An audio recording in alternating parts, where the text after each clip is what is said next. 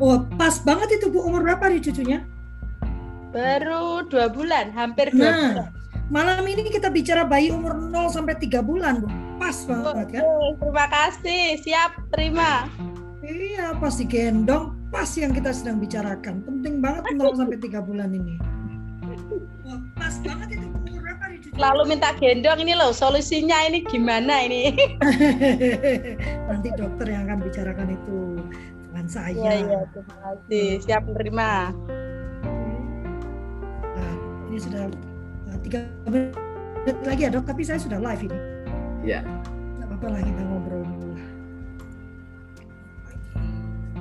Ya. Tadi pagi acara perempuan rame dok. Hmm? Di mana? Nah, di YouTube lah seperti biasa, tapi khusus perempuan. Zoom. Oh. Iya, ada 24 perempuan lumayan lah. Jam 9 pagi. Saya lagi bujuk ini uh, uh, Kak Anil sama uh, Pak Ma, Kak apa Albert terus nanti mau ke- mau Pak Sudibyo. Dokter mungkin mau. Saya pengen bikin acara khusus untuk laki-laki nanti. Jadi saya nggak mungkin muncul dong. Masa saya nggak Iya. muncul? Kan muncul. saya menyediakan Zoom sama YouTube aja lah. Hmm. Soalnya diprotes melulu, kalau Fli mah bikinnya buat perempuan melulu gitu. Kita mulai saja ya dok, Ya, sambil menanti yang lain ya. Saya Ini masih share, terus masuk sih. langsung Oke, share, kita mulai. ya. share, share screen langsung. Udah, saya buka dulu ya. Ya, Saya buka dulu ya, eh, dokter ya. ya, Ya, selamat malam eh, teman-teman. Eh, kita bertemu di episode 3 ya. Eh, saya eh, mohon maaf karena eh, Lovely pun sambil jalan sambil belajar untuk menyusun topik-topik yang akan kita bicarakan. Tapi eh, puji Tuhan saya sudah didukung oleh Dokter Bagus dan kemarin saya mendapatkan komitmen dari Dokter Tri Gunadi, Ah, lengkap ya dokter ya. ya. Lalu Kak Nungki, nah, Kak Nungki juga sudah berkomitmen. Jadi saya sudah ditemani tiga orang dan mereka cukup pakar. Kalau dokter bagus sih saya akan mengarahkan beliau untuk 0 sampai 2 tahun itu dokter bagus yang mengupas gitu ya. 0 sampai 2 tahun. Ya. Jadi 2 tahun sampai 6 tahun itu dokter Trigun yang akan mengupas. Lalu Kak Nungki akan bicara dari sisi uh, media ya karena beliau uh, rupanya punya sertifikasi Montessori ya, Dok. Jadi nanti Ya. Kak Nungki yang akan bercerita tentang itu. Ya, hari ini kita akan bicara karena kemarin saya diminta oleh satu orang guru dong. Lovely, ini dong dari Guru. bayi dong. Kalau bayi gimana? Saya langsung teringat dokter bagus. Oh, kalau bayi itu memang yang selalu menjadi perhatian dokter bagus gitu kan, bahwa kita perlu menangani Ya. bayi ini dengan benar, eh, ter- sesuai dengan cara kelahirannya, benar ya dok ya? Ya. Sesuai dengan cara kelahirannya supaya dia tetap menjadi uh, tetap semua potensinya bisa berkembang dengan sempurna gitu dok ya. Saya nggak Ya. panjang-panjang lagi. Silakan dok, Lovely akan membagikan link YouTube. Saya share screen ya.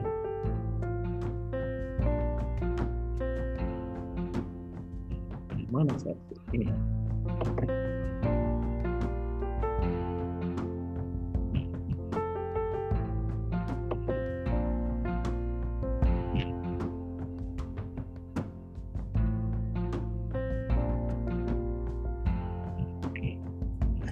Sendiri dokter. Yeay.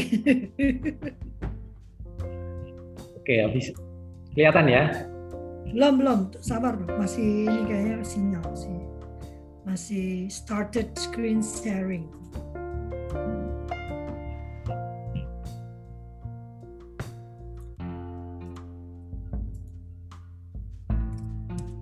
Ya, sudah kelihatan.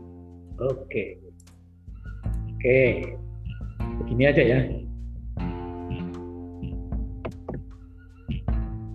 Atau di full screen ya. Oke. Kita mulai aja ya. Saya ucapkan selamat malam bagi kita semua. Salam sejahtera. Assalamualaikum warahmatullahi wabarakatuh. Waalaikumsalam. Waalaikumsalam warahmatullahi taala wabarakatuh. Iya, kita malam ini belajar parenting, ya kan? Yaitu melatih bayi usia 0 sampai 3 bulan. Tapi sebelum kita ketemu bayinya kan mesti kita bayinya itu berasal dari mana gitu kan kita harus tahu ya karena eh, terus terang aja bayi itu berasal dari rahim ibunya ya yang paling penting di dalam rahim ibunya ini apakah bayi ini matur atau tidak? Nah itu. Nah ini perlu ada konsep yang kita harus tahu ya. Kalau kita ngelihat konsep-konsep yang sudah ada itu sudah cukup tapi saya lebih strict pada konsep lahir siap cerdas bukan lahir sehat tapi lahir siap cerdas. Kalau lahir siap cerdas pasti sehat tetapi kalau lahir sehat belum tentu siap cerdas. Nah, ini yang perlu perhatian. Sebetulnya eh, yang kita akan bicarakan adalah ikhtisar bahasan mengenai IFP itu imbang veto pelvic yang ideal.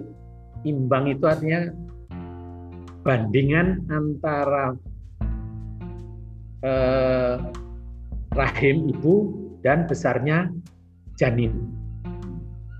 Ini harus ideal. Bagaimana untuk mendapatkan ideal itu? Yang kita bicarakan ini kita tahu bahwa pada usia empat bulan dalam kandungan dia ditiupkan nyawa bernyawa. Kemudian pada lima bulan dalam kandungan dia mulai panca inderanya terutama pendengarannya dihidupkan.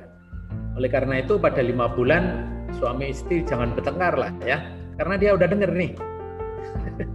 jangan sampai bertengkar. Dari smooth-smooth aja. Janjian nih, lima bulan sampai sembilan bulan tidak boleh ada tengkar ya kan? Itu.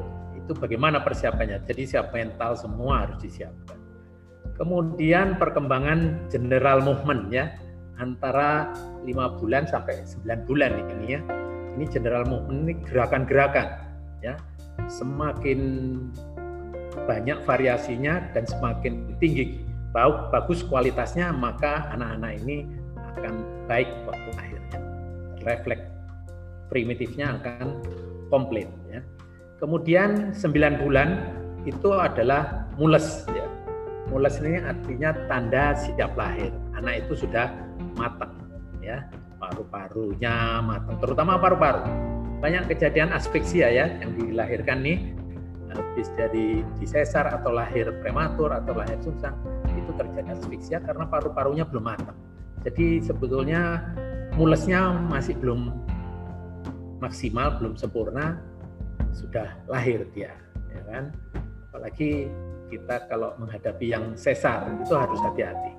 Banyak sekali ya kasus-kasus sesar seperti Deborah itu kan termasuk yang surfaktanya tidak matang nyari nicu nggak ketemu karena penuh akhirnya enggak.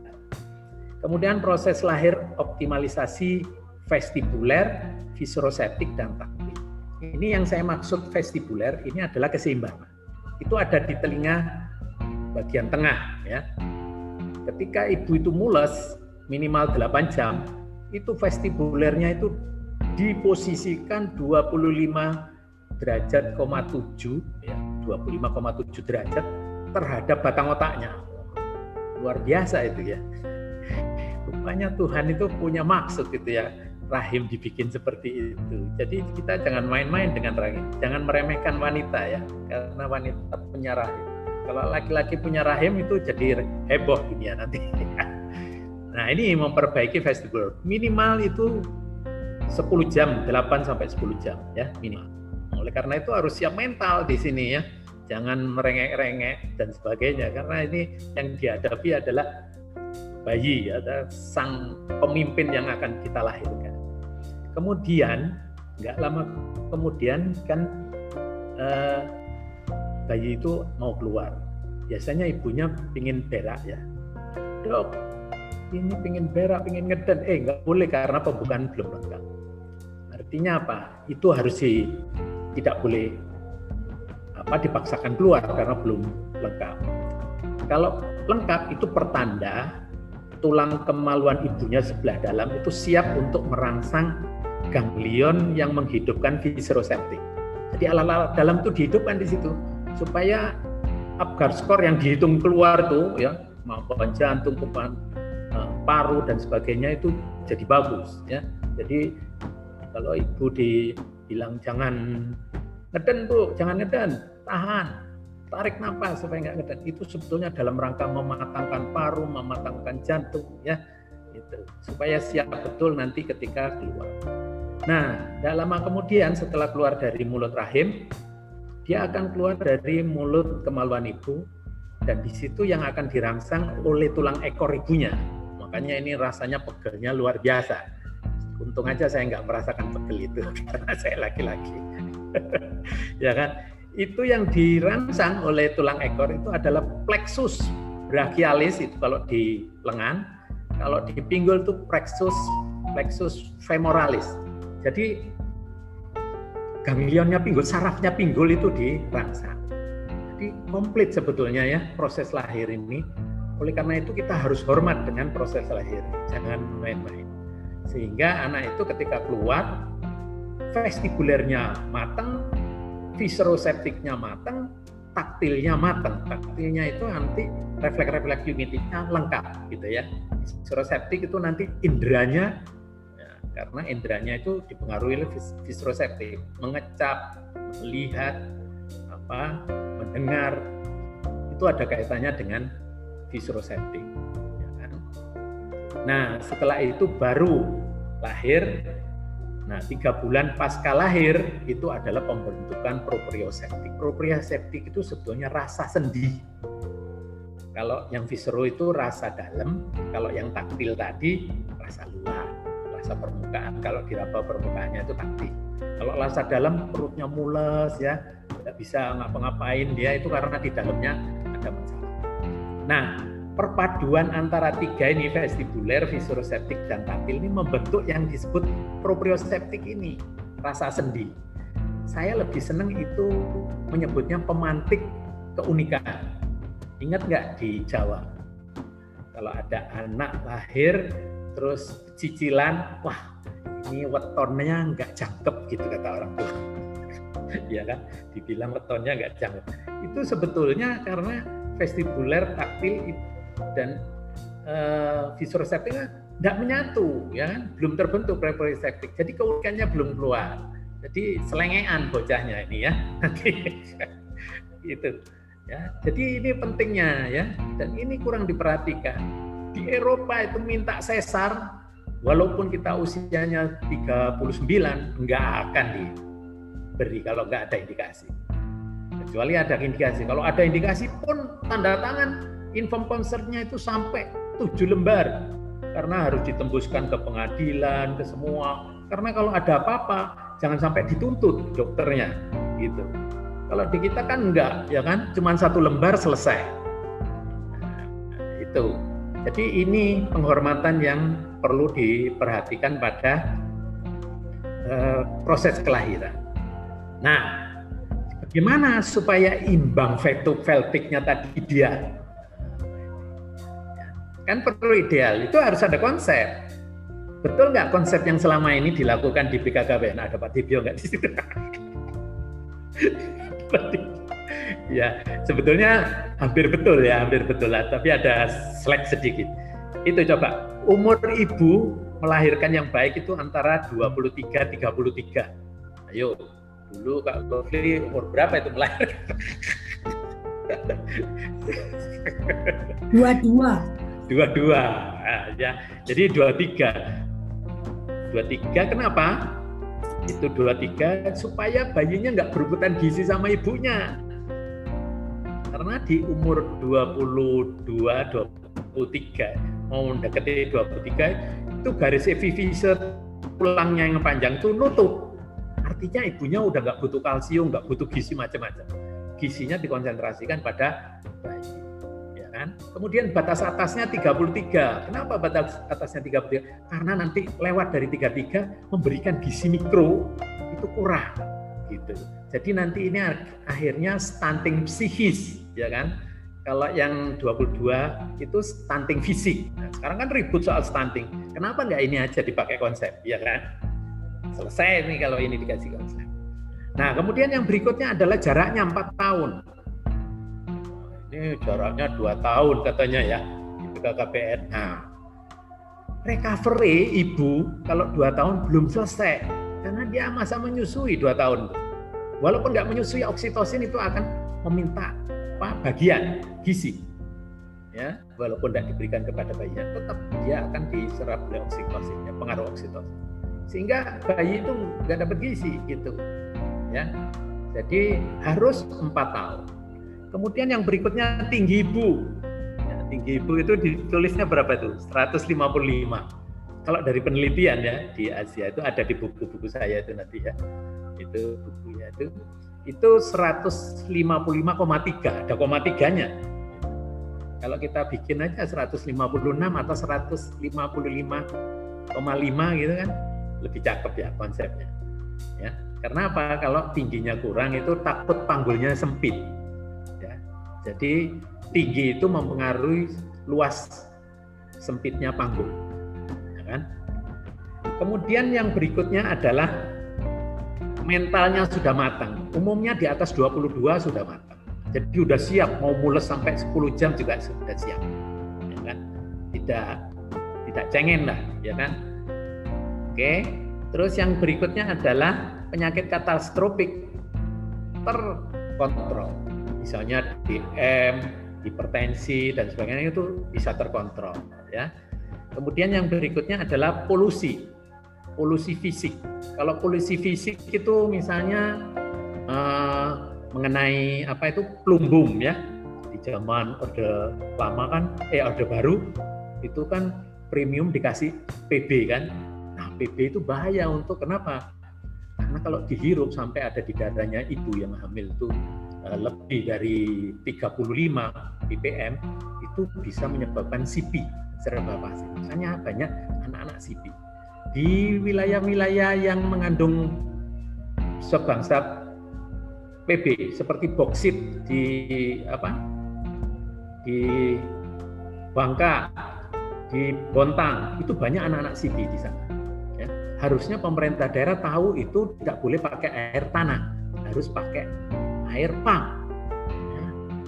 Nah ini perlu kebijakan ini diperhatikan ya supaya generasi ini selamat dari keracunan PB.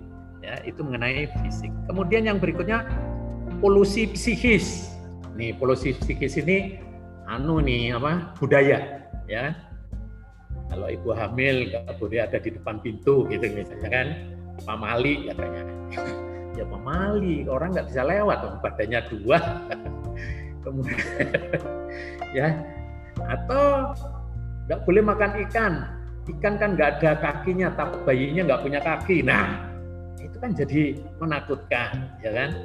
Gitu. Padahal ikan itu penting ya, karena dia mengandung L-C-PUFA. L-C-PUFA tahu ya, long chain uh, polyphatic acid ya. Itu adalah AA yang dipakai untuk uh, membangun otak bayi ya kan, otak janin. Ya itu akan butuh itu ya. Uh, jadi syarat-syarat ini harus dipenuhi. Kalau ini nggak dipenuhi, khawatirnya anak itu nanti lahirnya tidak sempurna. Karena apa yang ditakutkan preeklamsi, tahu ya preeklamsi, keracunan kehamilan itu karena berebutan gizi ya sebetulnya keracunan. Sehingga di plasentanya ibunya itu plasenta ibunya kekurangan oksigen karena rebutan gizi. Nah, akhirnya kakinya bengkak, kencingnya keruh, ya kan? Terus tensinya tinggi, terpaksa harus diakhiri kehamilannya. Dan kemungkinan prematur. Nah, ini syarat ini sudah dipenuhi, berarti LC PUFA ini akan lari ke bayi. Jadi bayi bisa dibayangkan kan, beratnya nanti antara 3 tiga setengah, ya kan, panjangnya 50 cm atau lebih, lingkar kepalanya adalah 33,5. Kemudian eh, bentuknya simetris kiri dan kanan karena besarnya ideal ketika melewati jalan lahir rangsangannya akan sempurna. Yang diperlukan adalah rangsangannya. Sehingga bayi lahir siap cerdas. Oke. Jadi ini konsep. Kalau konsep ini dipakai di BKKBN, wah, cakep nih, ya kan? Siapa sih nggak pengen punya anak cerdas? Ya kan? Kayak apa konsepnya? Oh, seperti itu. Wah, udah.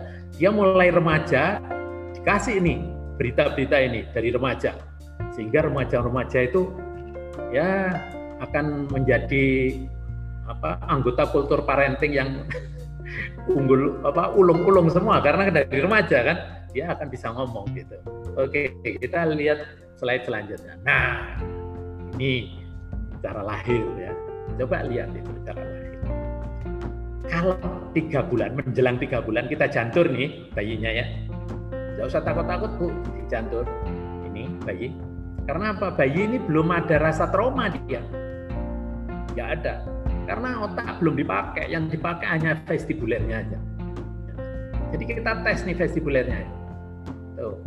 Tes akrobatik untuk yang bagus tuh yang pertama nih. Matanya melek, tangan jari-jari tangannya terbuka, dia melentik, ya kan?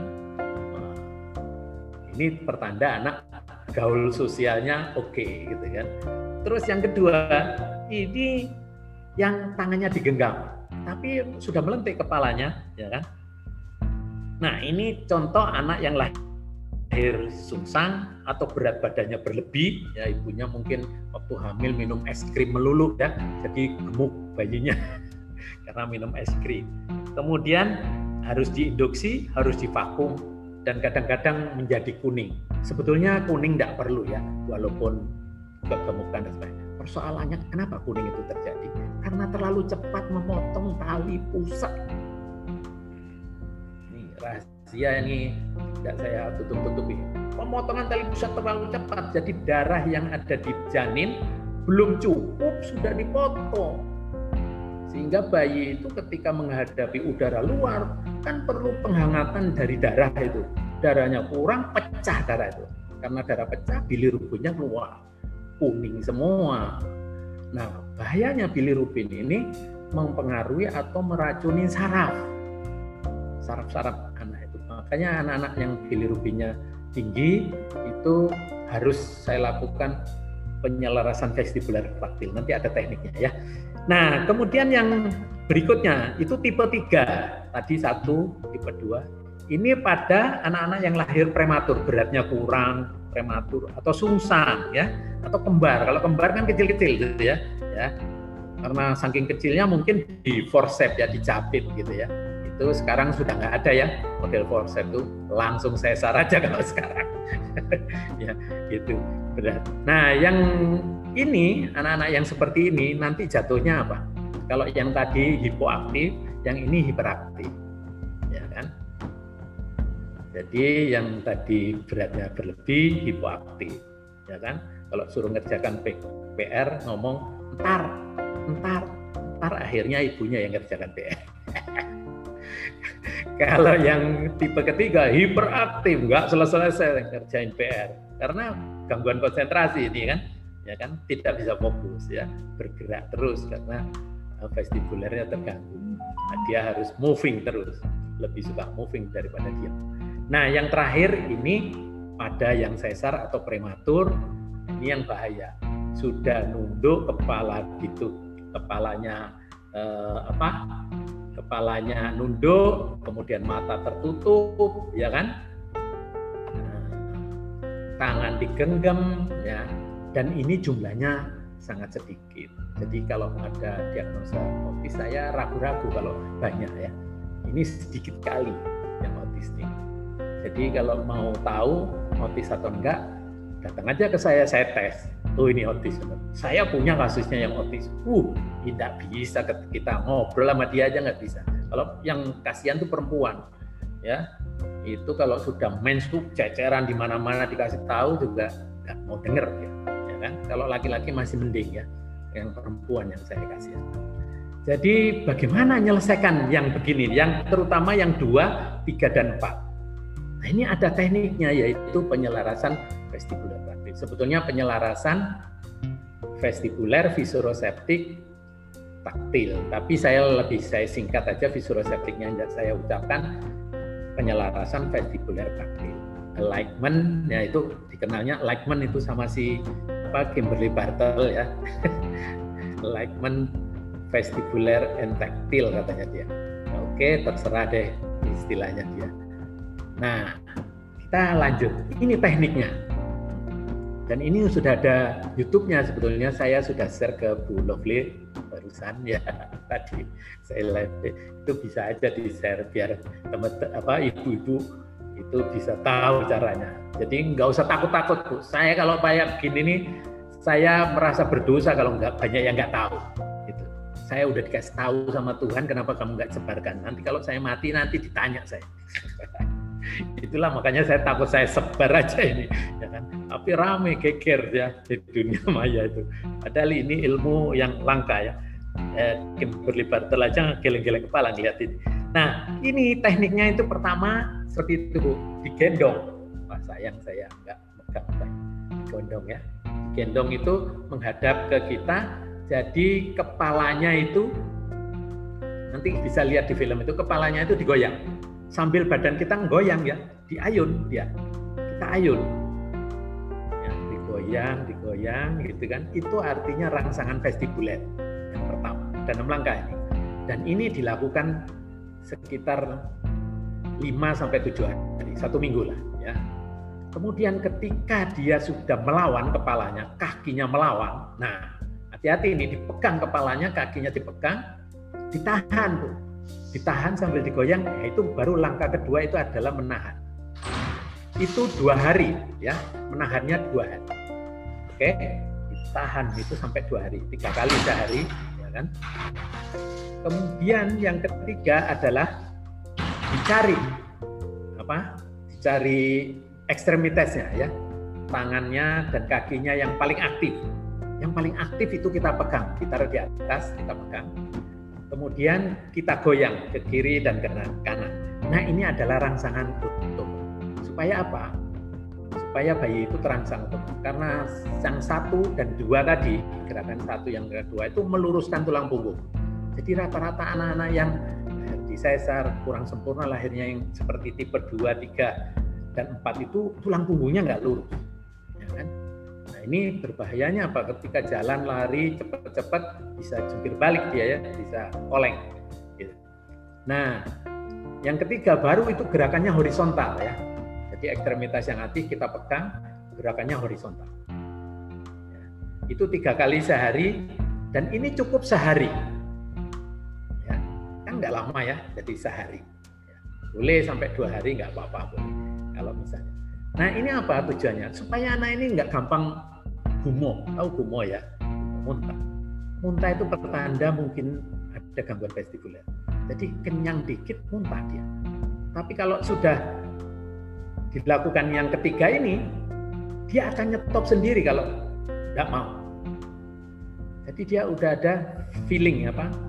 Inderanya itu tanggap. Ya. Jadi susu yang banyak-banyak itu dia akan stop itu pertanda dia sudah kenyang, sudah cukup. Kalau anak-anak yang gangguan vestibul terus saja minum, akhirnya muntah dia, ya karena dia nggak tahu, tidak sensitif. Kemudian langkah yang keempat, langkah yang keempat gerakannya naik turun, tetap yang seperti tadi. Ini merangsang adalah bangsal galia, bangsal galia. Jadi untuk menyambungkan ke taktil, ya kan, yang bangsal galia, ya, naik turun. Jadi kepala yang tadinya ada di bawah, yang tiga itu, dia nanti naik kepalanya. Karena dinaik turunan, semakin naik, semakin konsisten berarti semakin mantap. Ya, kepalanya di atas semakin mantap. Ya. Nah, ini juga bisa sampai dua hari, ya kan? Kita lakukan sampai dua hari. Kemudian langkah yang berikutnya diputar. Nah, bayangin diputar. Itu nanti contoh itu bayi itu di apa YouTube saya tuh diputar bayi itu yang apa yang kuning tadi ya. Nah ini merangsang taktil. Jadi taktil itu merangsangnya diputar.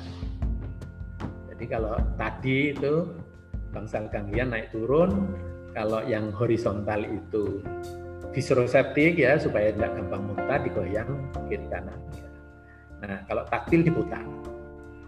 Nah kalau sudah diputar ini nanti tak, kepala tetap di atas, akhirnya nanti tangan yang tadinya tidak aktif kaki yang tidak aktif jadi aktif ya aktif sama aktifnya nanti dengan yang kita pegang nah kalau sudah sama ini berarti tulang punggungnya sudah lurus dan sama artinya otot-ototnya yang menopang tulang punggung agar tetap lurus itu akan selalu dipertahankan. Dan yang terakhir adalah dibalik sekarang.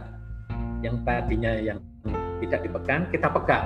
Tetap anaknya itu harus menghadap jangan menghadap ke kita menghadap uh, sejajar dengan hadapan kita. Sehingga dia bisa melihat uh, yang jauh yang luas. Dan itu gerakannya juga diputar ya. Yang terakhir diputar. Ini juga paling lama sehari cukup ini tidak perlu dua hari ya kan kalau ingin mantap ya boleh lah sampai dua hari, sehari apa efeknya setelah dilakukan ini itu nanti akan terkaget-kaget. Bapak Ibu akan terkaget. Anak itu berani guling-guling. Mengguling ke kiri, mengguling ke kanan, ya kan? Mulai ngangkat pantatnya, ngangkat baunya, maju ke depan, geser, merayap, akhirnya akhirnya nanti akan merangkak. Nah, tanda proprioseptik tertentu itu adalah merangkak. Jadi jangan dikasih baby walker. Baby walker itu menghambat proprioseptif ya kan?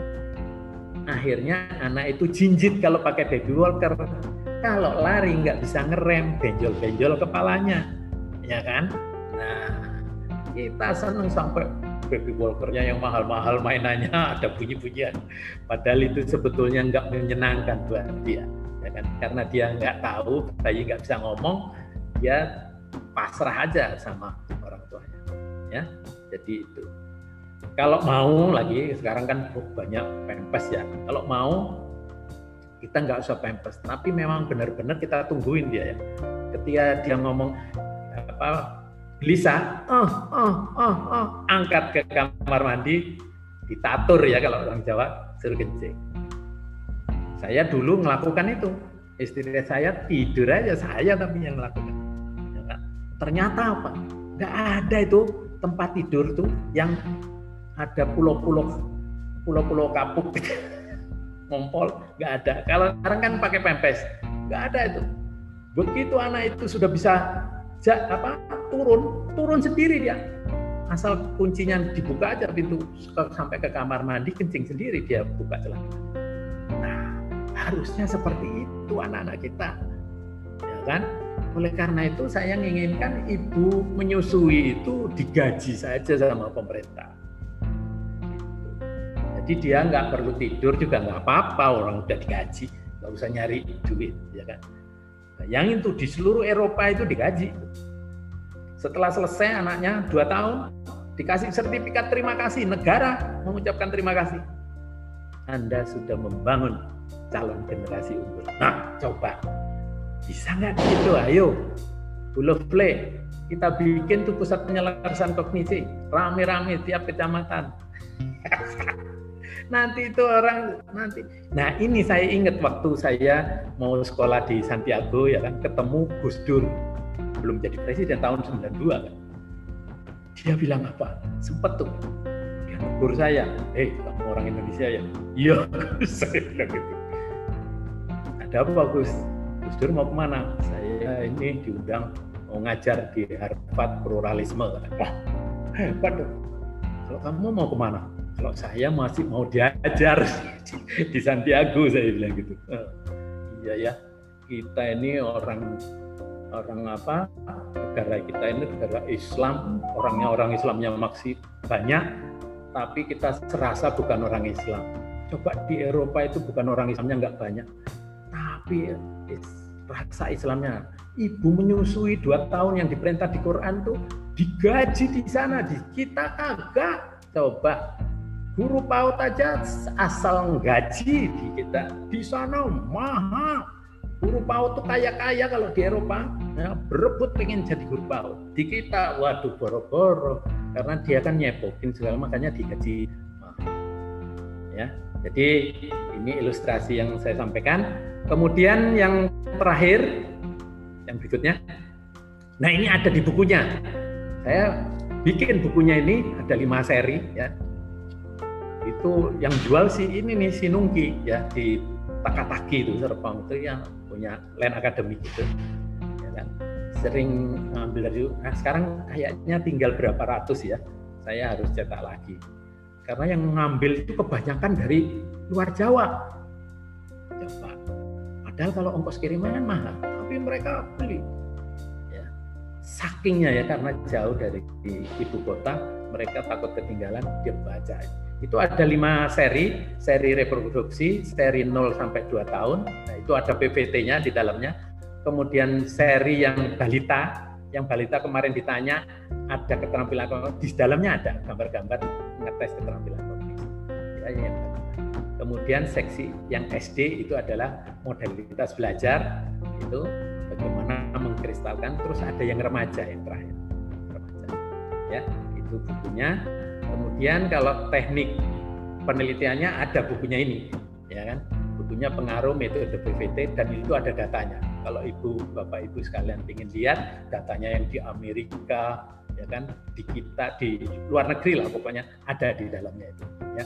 Bagaimana di sesar dan sebagainya ada. Ternyata itu nggak dipublish di kita ya. Itu saya beli 1,7 ya ngedownload download itu 1,7 waktu itu. Tapi sekarang udah bebas itu. Nah, kemudian saya inginnya itu ada pusat penyelarasan kognisi nanti ada siapa-siapa yang terlibat di situ jadi satu ya mudah-mudahan kalau itu tercipta di setiap kecamatan. Nah ini tugasnya Bu Lovely nih lewat kultur parenting untuk pusat penyelarasan kognisi ya nanti kalau ini nyebar seluruh Indonesia bisa ngetop nih kita ya. Kita menghormati generasi artinya. Oke, saya kira begitu Bapak Ibu sekalian. Kami silahkan saya stop share ya. Stop share ini. Ya. Oke. Ini uh, pertanyaan udah banyak banget nih pertanyaan dan termasuk curhatan. Ada Kak Nungki ya? Kak Nungki. Kak Nungki ada di situ tadi saya lihat masuk tuh. Kak Nungki mungkin lagi ada tadi kan ada kayak kelihatan ya? Iya. Ya coba siapa yang mau oh, belum ada ya saya maunya menyerahkan ke Kak Nuki nih biar Kak Nuki yang muncul malam ini kan jangan saya teruslah bosan lihat saya terus ya eh, teman-teman uh, boleh bertanya Uh, silakan bertanya langsung. Sementara menunggu teman-teman silakan raise hand. Nanti baru saya akan uh, apa? Jangan raise hand begini ya, tapi pakai pakai tanda ya. Kalau begini saya nggak kelihatan nanti ya. Ya, saya tanya, uh, saya bacakan yang yang bertanya dulu ya. Uh, dok, kata Pak Bu Nurhayati, sebaiknya pemotongan tali pusar itu berapa lama jaraknya agar bayi tidak kuning? Oke, saya langsung jawab ya. Ya. Oke, jadi pemotongan tali pusat itu ketika rahim mau kontraksi mengeluarkan ari-ari. Ari-ari keluar belum dipotong pun nggak jadi masalah, ya kan? Jadi ketika mau keluar, mau kontraksi, silahkan dipotong. Berarti udah cukup tuh kalau tanda cukup darah di bayi itu kontraksi mengeluarkan ari-ari itu tanda cukup kalau dipotong duluan, mungkin hari-harinya akan ketinggal di dalam masiannya karena dikira masih mau ngalirkan darah ke bayi, gitu kan. Akhirnya harus apa dirogo, ditarik, ya kan. Nah, ini kesalahan-kesalahan teman-teman di lapangan, ya kan. Malah justru jagoan dukun ya daripada ya kita nggak ngomong dukun lagi. Sebetulnya mereka dukun tuh ya alami ya, kearifan lokal. Oke, jawabnya itu ya. Ketika hari-hari okay. keluar. Oke, yang ini dari Kak Fitri, anak saya yang ketiga juga kena kuning dok. Nah, ini akal dari Bunda Desi, anak kelima saya ketika bayi harus kembali ke rumah sakit dan masuk inkubator uh, saat tujuh hari di rumah. Kebetulan pas musim hujan, tidak ada panas dan tidak bisa dede berjemur. Efeknya kuning, benarkah? Oh, jadi kuning itu bisa langsung di setelah dipotong, bisa beberapa eh, jam atau beberapa atau satu hari setelah itu kuning. Karena itu memang kurang ya.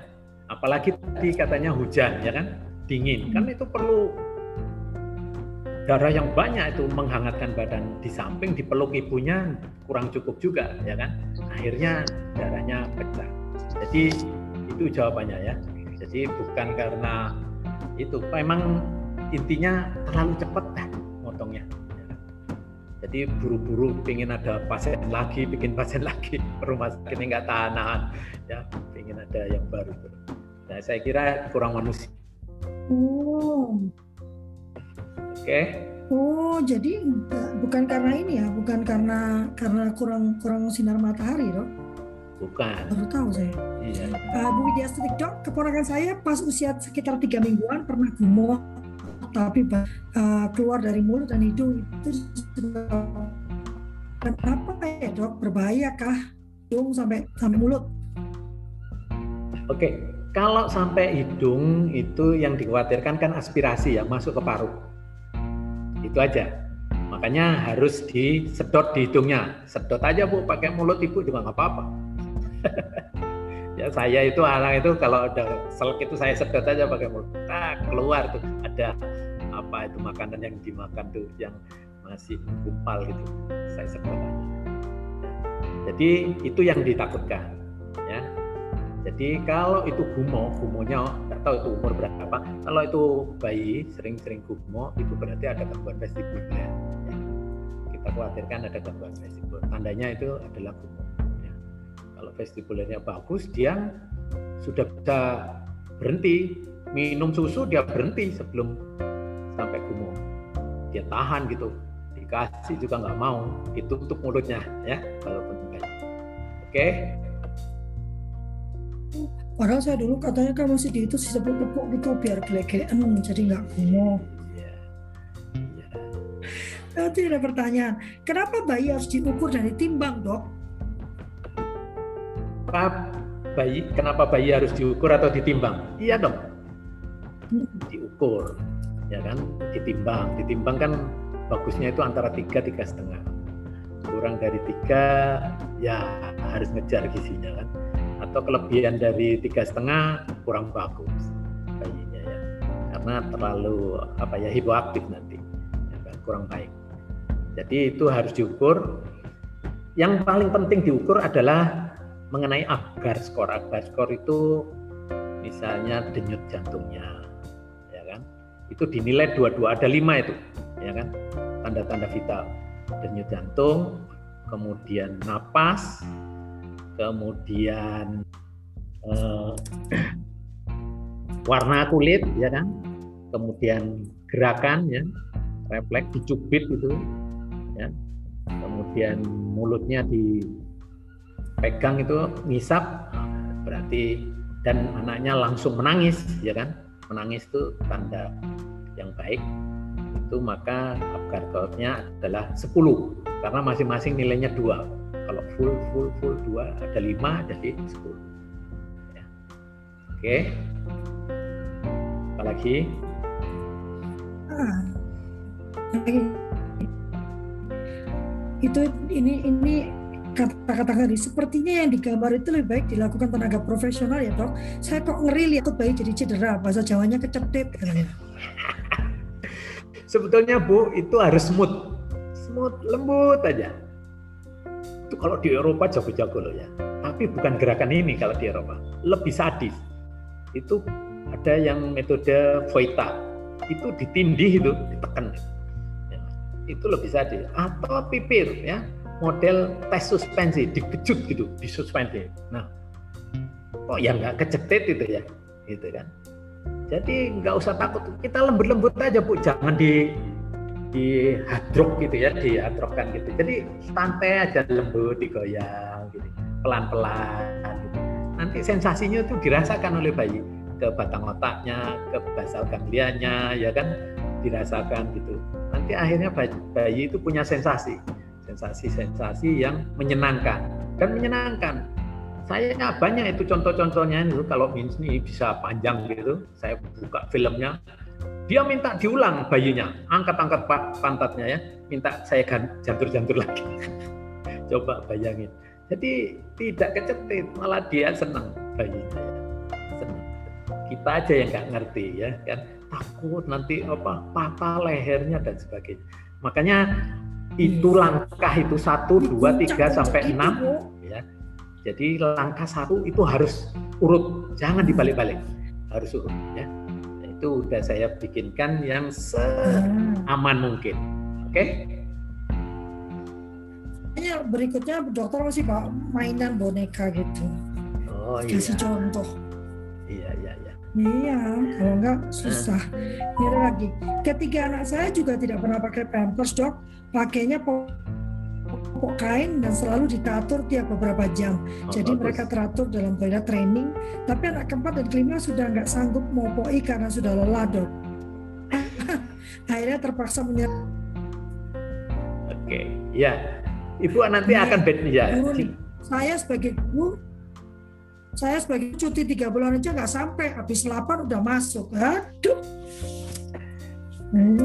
Itulah yang tadi saya sebutkan Ini, yang apa uh, konsepnya Gus Dur itu ya kan? Itu Gus Dur itu iya. coba lihat di Undang-Undang Sisdiknas. Kakek video. Iya. Ya, itu coba undang-undang Gus, itu undang-undang Dikbutu Sikdisnat yang PAUD itu belum sampai di betul kan nama Gus Dur udah dilengserkan beliau.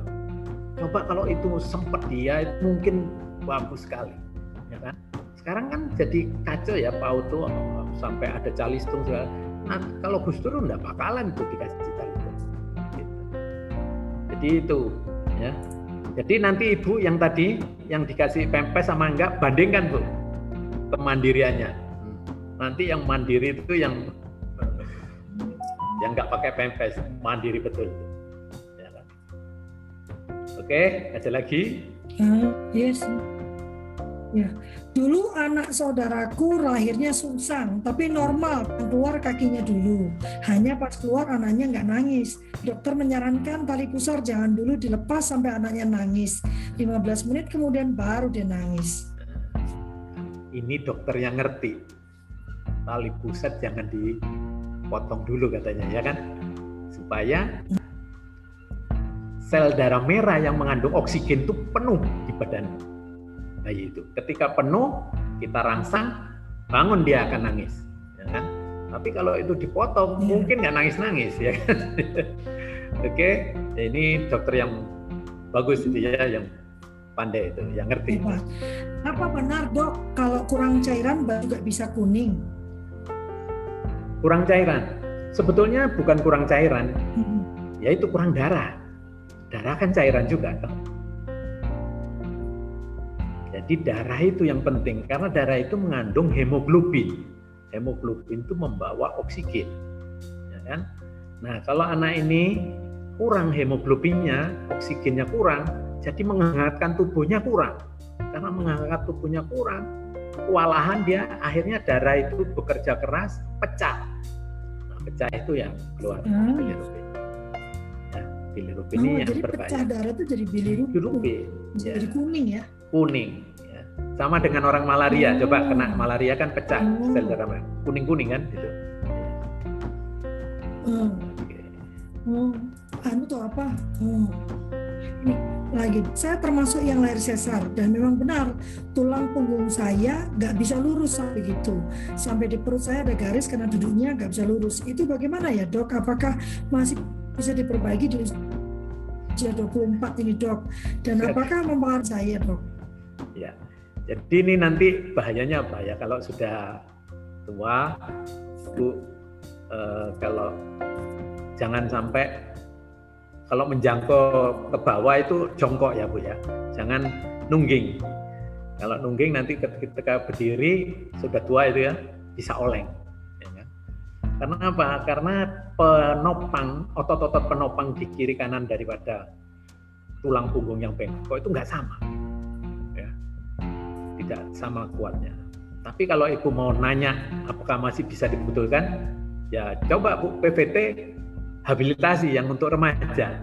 Ada itu nanti bukan hari bukan saat ini ya kalau mungkin nanti pada sesi yang PPT rehabilitasi pada S apa setelah dua tahun itu ada teknik-tekniknya ya kan? nah itu seru itu kalau tidak dilakukan itu terus terapi bicara di terapi okupasi itu lama nanti terapi okupasi dan terapi bicaranya karena tulang punggung belum lurus. Kalau tulang punggung lurus itu artinya saraf di kiri kanannya itu akan lancar. Karena ketika tulang punggung lurus ada celah yang disebut lubang foramen intervertebrata itu jadi longgar kalau lurus. Ya, kalau bengkok itu bengkoknya ke mana? Itu menjepit sarafnya. Menjepit ya, artinya saraf yang dikena jepit itu nggak bekerja. Yang dominan yang seberangnya. Nah, kalau sudah dominan seberangnya, ini biasanya ada gangguan konsentrasi ya. Kalau konsentrasi kurang konsentrasinya, mudah terganggu konsentrasinya.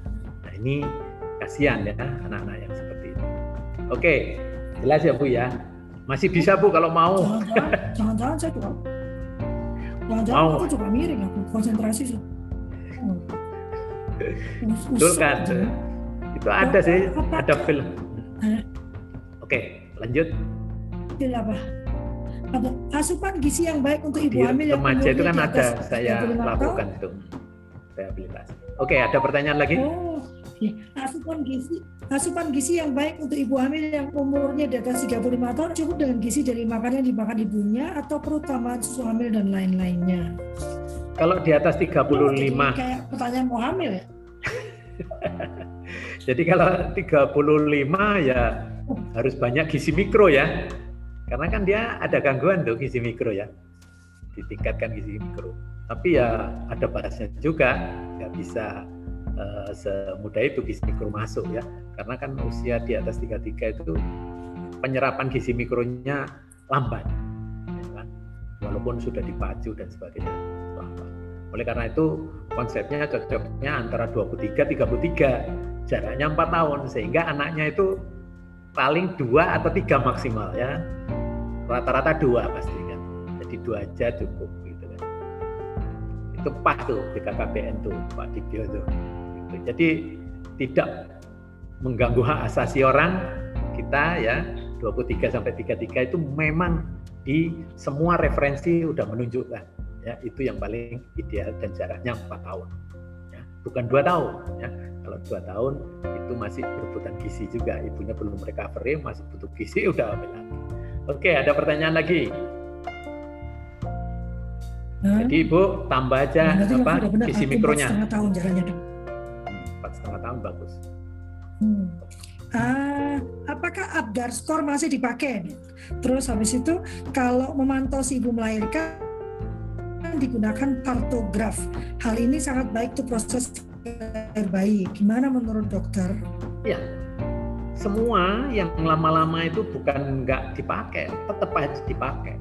Apalagi kita ada di perifer ya, di daerah-daerah terpencil itu, tetap apa skor itu yang lebih bagus.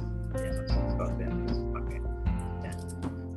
Jadi partogram itu tetap dipakai. Saya aja masih pakai partogram kalau di kampung-kampung, karena kan kalau di kota sih enak ada digital semua ya ada digital semua. Kita kan tidak selalu ada di kota gitu. Nah, sekarang mudah-mudahan di sini sekarang semua sampai ke daerah-daerah udah banyak rumah sakit ya sekarang. Cuman ya itu tolong untuk teknologi kedokteran tuh kalau ada indikasi yang sangat mendesak baru dipakai. Kalau enggak usahakan lahir normal. Oke, ada lagi? Pak dokter, apa dampak jika anak usia dini umur 3-4 tahun tapi sudah diajari calistung? Hmm. Jadi tadi ya tiga bulan propriocepsi terbentuk. Dia apa yang dia lakukan? Dia akan mengasah motorik kasar, motorik halus, daya tangkap. Jadi kalau motorik kasar itu hubungannya dengan daya tangkap. Kalau motorik halus hubungannya dengan daya balas dia asah itu ya kan? Nah setelah itu dia bicara bahasa ya kan? Dia asah juga ya kan? Kemudian keman apa sikap perilaku diasah juga di situ dengerin orang tua. Orang tua tidak boleh banyak bohong ya kalau ada anak-anak seperti ini ya. apa adanya aja gitu kan? Kemudian yang terakhir adalah kemandirian sosial. Dan delapan keterampilan kognisi ini harus diasah sampai usia menjelang masuk SD. Jadi kerjaannya bermain. Kalau nggak salah Kak Seto kemarin ngomong bermain. Bermain, bukan calisto. Coba lihat di Finlandia. Ya, nggak ada anak-anak itu apa calistung di sana. Kan? Dan syaratnya PAUD itu punya halaman 1000 meter, ruangannya cuma tiga. Anak yang apa, yang kelas yang bawah, ke tengah, dan yang tertinggi yang matang. Dan permainan semua ada permainan vestibuler, permainan motor kasar, ya. terus perintah-perintahnya juga sebentar. Tolong kumpulkan daun yang kasar. Anak-anak tuh pergi keluar nyari daun yang kasar. Tiga. Nah, nanti dites itu. Ini punya siapa? Punya si B misalnya. Kok nggak kasar? Nah, itu kita harus sudah curiga. Kenapa dia nggak bisa dapatkan kasar? Nah, ini ya kan ini nggak bisa tahu kalau dengan calisto. Bagaimana tahu kita bahwa anak itu gangguan motorik halus? Nah, disuruh calisto setelah setelah saya tes di SD ini kan tadi baru ngetes ya anak yang di Calistungkan saya suruh nulis yang nulisnya naik turun nggak pasti garis sudah itu ada huruf besar di tengah kata. Jamur misalnya. M-nya huruf besar. Apa begitu cara mendidiknya jadi anak itu sudah boring. Dan setelah nulis-nulis itu main dia lari-lari di luar. Ya kan? Artinya anak ini belum tuntas mainnya. ya, itu salahnya. Dan anak-anak yang seperti ini, Bu, nanti kurang percaya diri setelah besar, ya kan? Dan anak-anak ini akhirnya nanti akan jadi pegawai, ya kan? Bukan orang entertain. Karena anak-anak seperti ini mudah dibohongin, karena nggak tahu kasar, halus dan sebagainya itu nggak tahu. Ya, mudah dibohongin. Mungkin anak buahnya yang kalau dia jadi juragan, anak buahnya yang ngerjain dia. Ya tapi kalau yang anak yang pas bermain kayak Bob Sadino itu, ya biar celana pendek, ya kan, anak buahnya ada yang S3 loh. Tapi karena dia matang keterampilan kognisinya, ya bermain tuh. Saya tanya itu dia, dia itu sudah meninggal almarhum kan. Istrinya meninggal, sehari kemudian beliau kan? Wah dia ngajar, geleng-geleng kepala. Saya ngajar di universitas sudah ngalor ngidul. Saya tanya nggak ada yang bisa jawab Nah, artinya keterampilan kognisinya belum matang sudah sampai di perguruan tinggi juga masih. Oke, jadi Bu bahayanya itu Bu ya keterampilan kognisi yang tidak matang, kecerdasan kita tidak apa lugas, tidak baik, ya kurang lincah. Oke, ada lagi? Wah, ini pertanyaannya banyak banget ini. Uh, Biasa aja. Nah, apa ukuran rahim yang kecil menjadi penyebab lahir prematur, dok? Ya, jadi ini mungkin ibunya kurang gizi. Jadi mempersiapkan hamil itu tidak serta merta setelah hamil ya, itu jauh-jauh waktu balita, ya kan? Harus gizinya seimbang sehingga panggulnya luas, tingginya cukup itu 155,3 bisa atau 155 160 lah 165 wah itu cakep-cakep semua gitu kan ya jadi itu yang penting ya Bu karena gizinya kurang. Kalau sudah gizinya kurang berarti berebutan gizi itu walaupun ibunya sudah umur 23 sampai 33 karena gizinya nggak seimbang tadi. Kan syaratnya gizinya harus seimbang kan? Kalau nggak seimbang nggak udah rebutan sama bayinya. Ya percuma aja walaupun tinggi kan panggilnya juga sampai ini sebetulnya menarik ya e, pertanyaan jadi kayak pertanyaan kita buka apa ruangan dengan dokter objin jadi karena pertanyaan lebih ke arah objin daripada bagaimana kita yeah. mempersiapkan anak 0 sampai 3 bulan ya. Iya. yeah. yeah. Menurut pengalaman dokter anak lahir sesar dan lahir normal apakah mempengaruhi pola pikir dan perkembangannya? Iya, betul. Ah, pasti mempengaruhi pola pikir. Minimal anak yang lahir sesar itu keras kepala, Bu. Beda dengan anak yang lahir normal. Anak lahir normal lu fleksibel. Nanti nak ya, ini udah malam, mainan sudah tutup toko mainan coba anak yang saya harus dapat setelah dapat apa tidak sampai satu detik hancur mainannya. Dia memang senang menghancurkan mainan, jadi nggak ada mainan baru. Ada yang seperti itu, itu yang hiperaktif. Yang hipoaktif juga ngambek nggak selesai-selesai, ya. Yang hipoaktif itu kurung di kamar nggak mau keluar, nggak ah, nanti nggak mau keluar, nah gitu, ya. Itu bahayanya. Jadi itu kecerdasan sosialnya jadi terganggu, ya karena ada karena yang mempengaruhi kecerdasan sosial tiga itu vestibuler, visorseptik, dan taktil. Ya, oleh karena itu kecerdasan sosial itu dibangun dari situ. Jadi kalau ada orang ngomong apa hubungannya motorik kasar dengan kecerdasan, wah ini perlu apa ikut kuliah di di universitas terbuka kali ya di bagian bawah. Oke, sudah terjawab ya. Oke. Ada lagi apa lagi? Nah ini panjang itu. Anak-anak saya lahir yang pertama 3,9 kilo. Eh ya, yang kedua 3,7, yang ketiga 3,6, yang keempat 3,5, yang kelima 3 kilo. Kok makin kecil ya? Biasanya yang makin makin ke sini makin gede ya. Berat ideal bayi baru lahir minimal harus dua setengah kilogram kak dok. Berarti kelima bayi saya cukup baik berat lahirnya. Jika berat lahir di atas 3 kilo, apakah dapat dipastikan menunjukkan indikasi anak sehat?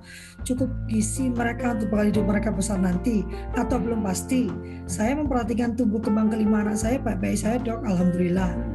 Oke, jawabannya saya katakan tadi adalah risiko ya, risiko. Bisa saja perkembangannya bagus, ya tapi dari penelitian-penelitian itu risikonya itu yang kita khawatirkan. Kan kita mesti harus menghadapi sesuatu yang tidak berisiko toh. Ya kan? Itu sebaiknya gitu. Apalagi orang-orang awam di desa-desa itu ya kan lebih baik kita paparkan yang tidak berisiko supaya kita lebih aman generasi kita. Berat lebih berat itu biasanya arahnya kan tadi hipoaktif. Kalau kurang berat, kurang dari 3 kilo, arahnya hiperaktif. Lincah, kelihatannya lincah. Tapi dia mungkin kurang prepare kepada alat-alat atau benda-benda yang harusnya dirawat dengan smooth ya kan? Karena kasar akhirnya rusak ya. Sering itu.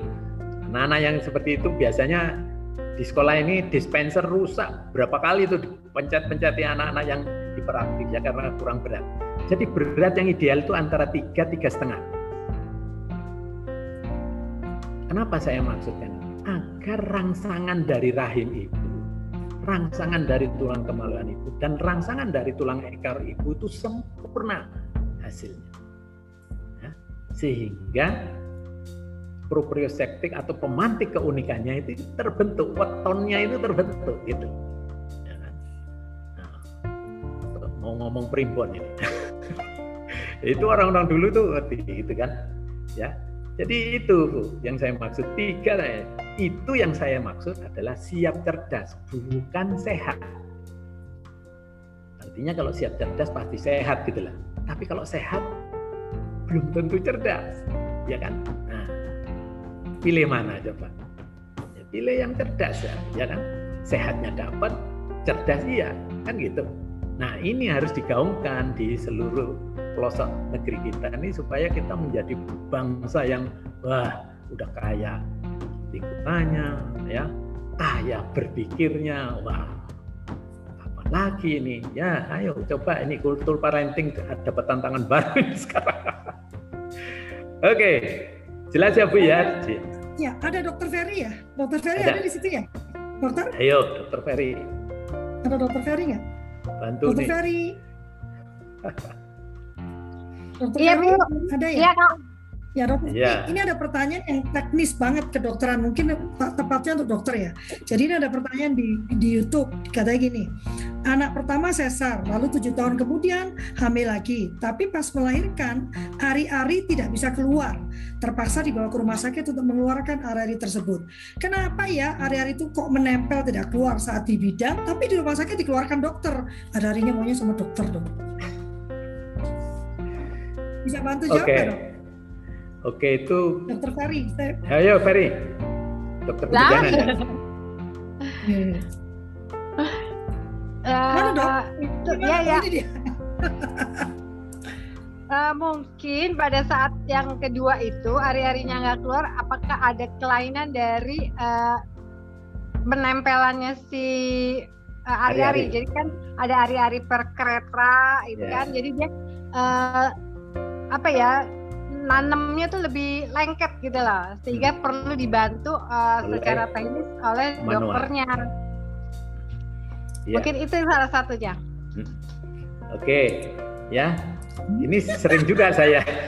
betul nih, betul tuh ya. Nempelnya itu di tempat bekas sesar, Iya. lengket jadinya. Ya kan itu bekas luka kan, nempel di situ. Ya kan? Ah, Jadi keras tuh harus manual kita masukkan tangan tangan dokternya itu pakai sarung tangan untuk ngambil itu di kerok di sesar. Baru lepas. Ya. Jadi itu bahayanya memang di sesar seperti itu. Kalau ada hari-hari nempel di bekas sesarnya agak lama itu lepasnya agak lama. Oke, saya kira itu benar itu Bu Ferry itu eh, apa? ini, ada, kata ya, ada pertanyaan tentang. Teman-teman sabar ya. Ini 0 sampai 3 bulan, nanti 36. Jangan semua diborong malam ini nanti minggu depan saya kebingungan cari cari ini apa cari cari Judul. tema nanti ya. Oh, repot nanti kan. Untuk mencegah stunting pada anak, selain faktor gizi apa yang perlu dilakukan ya, Dok? Jadi ini stunting ya. Saya udah berpikir ya stunting itu. Jadi sejak di dalam yang berbahaya itu stunting di dalam perut. Ya kan? Kalau di luar itu bisa dikejar mas ya. Tapi yang di dalam perut ya stunting fisik tidak apa-apa masih ada. Tapi stunting fis psikis artinya eh, jaringan otaknya yang belum dapat gizi yang baik. Nah itu bahaya itu. Jadi bodoh. Gitu. Stunting yang bodoh gitu kan.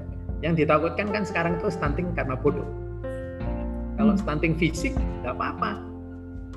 Kayak Habibie kan stunting fisik aja. Masih jago pinter dia. Gitu. Tapi yang stuntingnya yang psikis ini yang berbahaya. Ya. Itulah makanya konsep yang saya tawarkan itu untuk mencegah stunting juga. Sekarang kan ribut ya soal stunting ya. Tapi tetap masih dibolehkan jarak lahir 2 tahun. Gimana mau dapat apa risiko stunting yang nol? Risiko stunting masih ada itu kalau jaraknya 2 tahun. Ya kan? Berebutan gizi itu kan.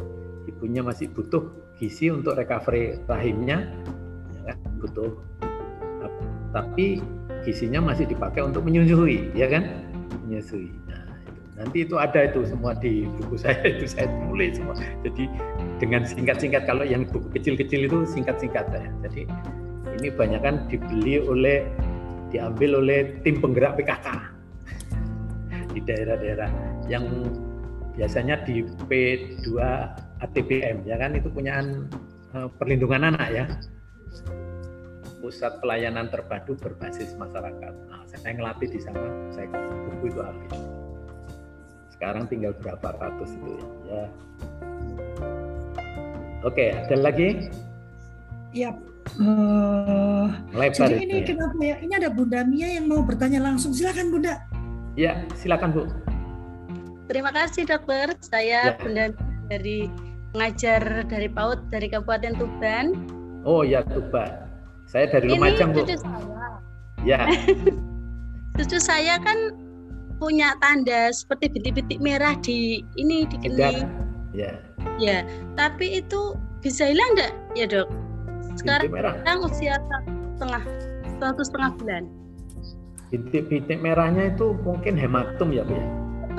Tapi enggak seperti tanda lahir. Apa ya itu Iya. namanya dok? Kurang paham. Ya, hematum. Itu Hematum bayinya itu. kan ada, nggak bisa dilihatin aja Bu.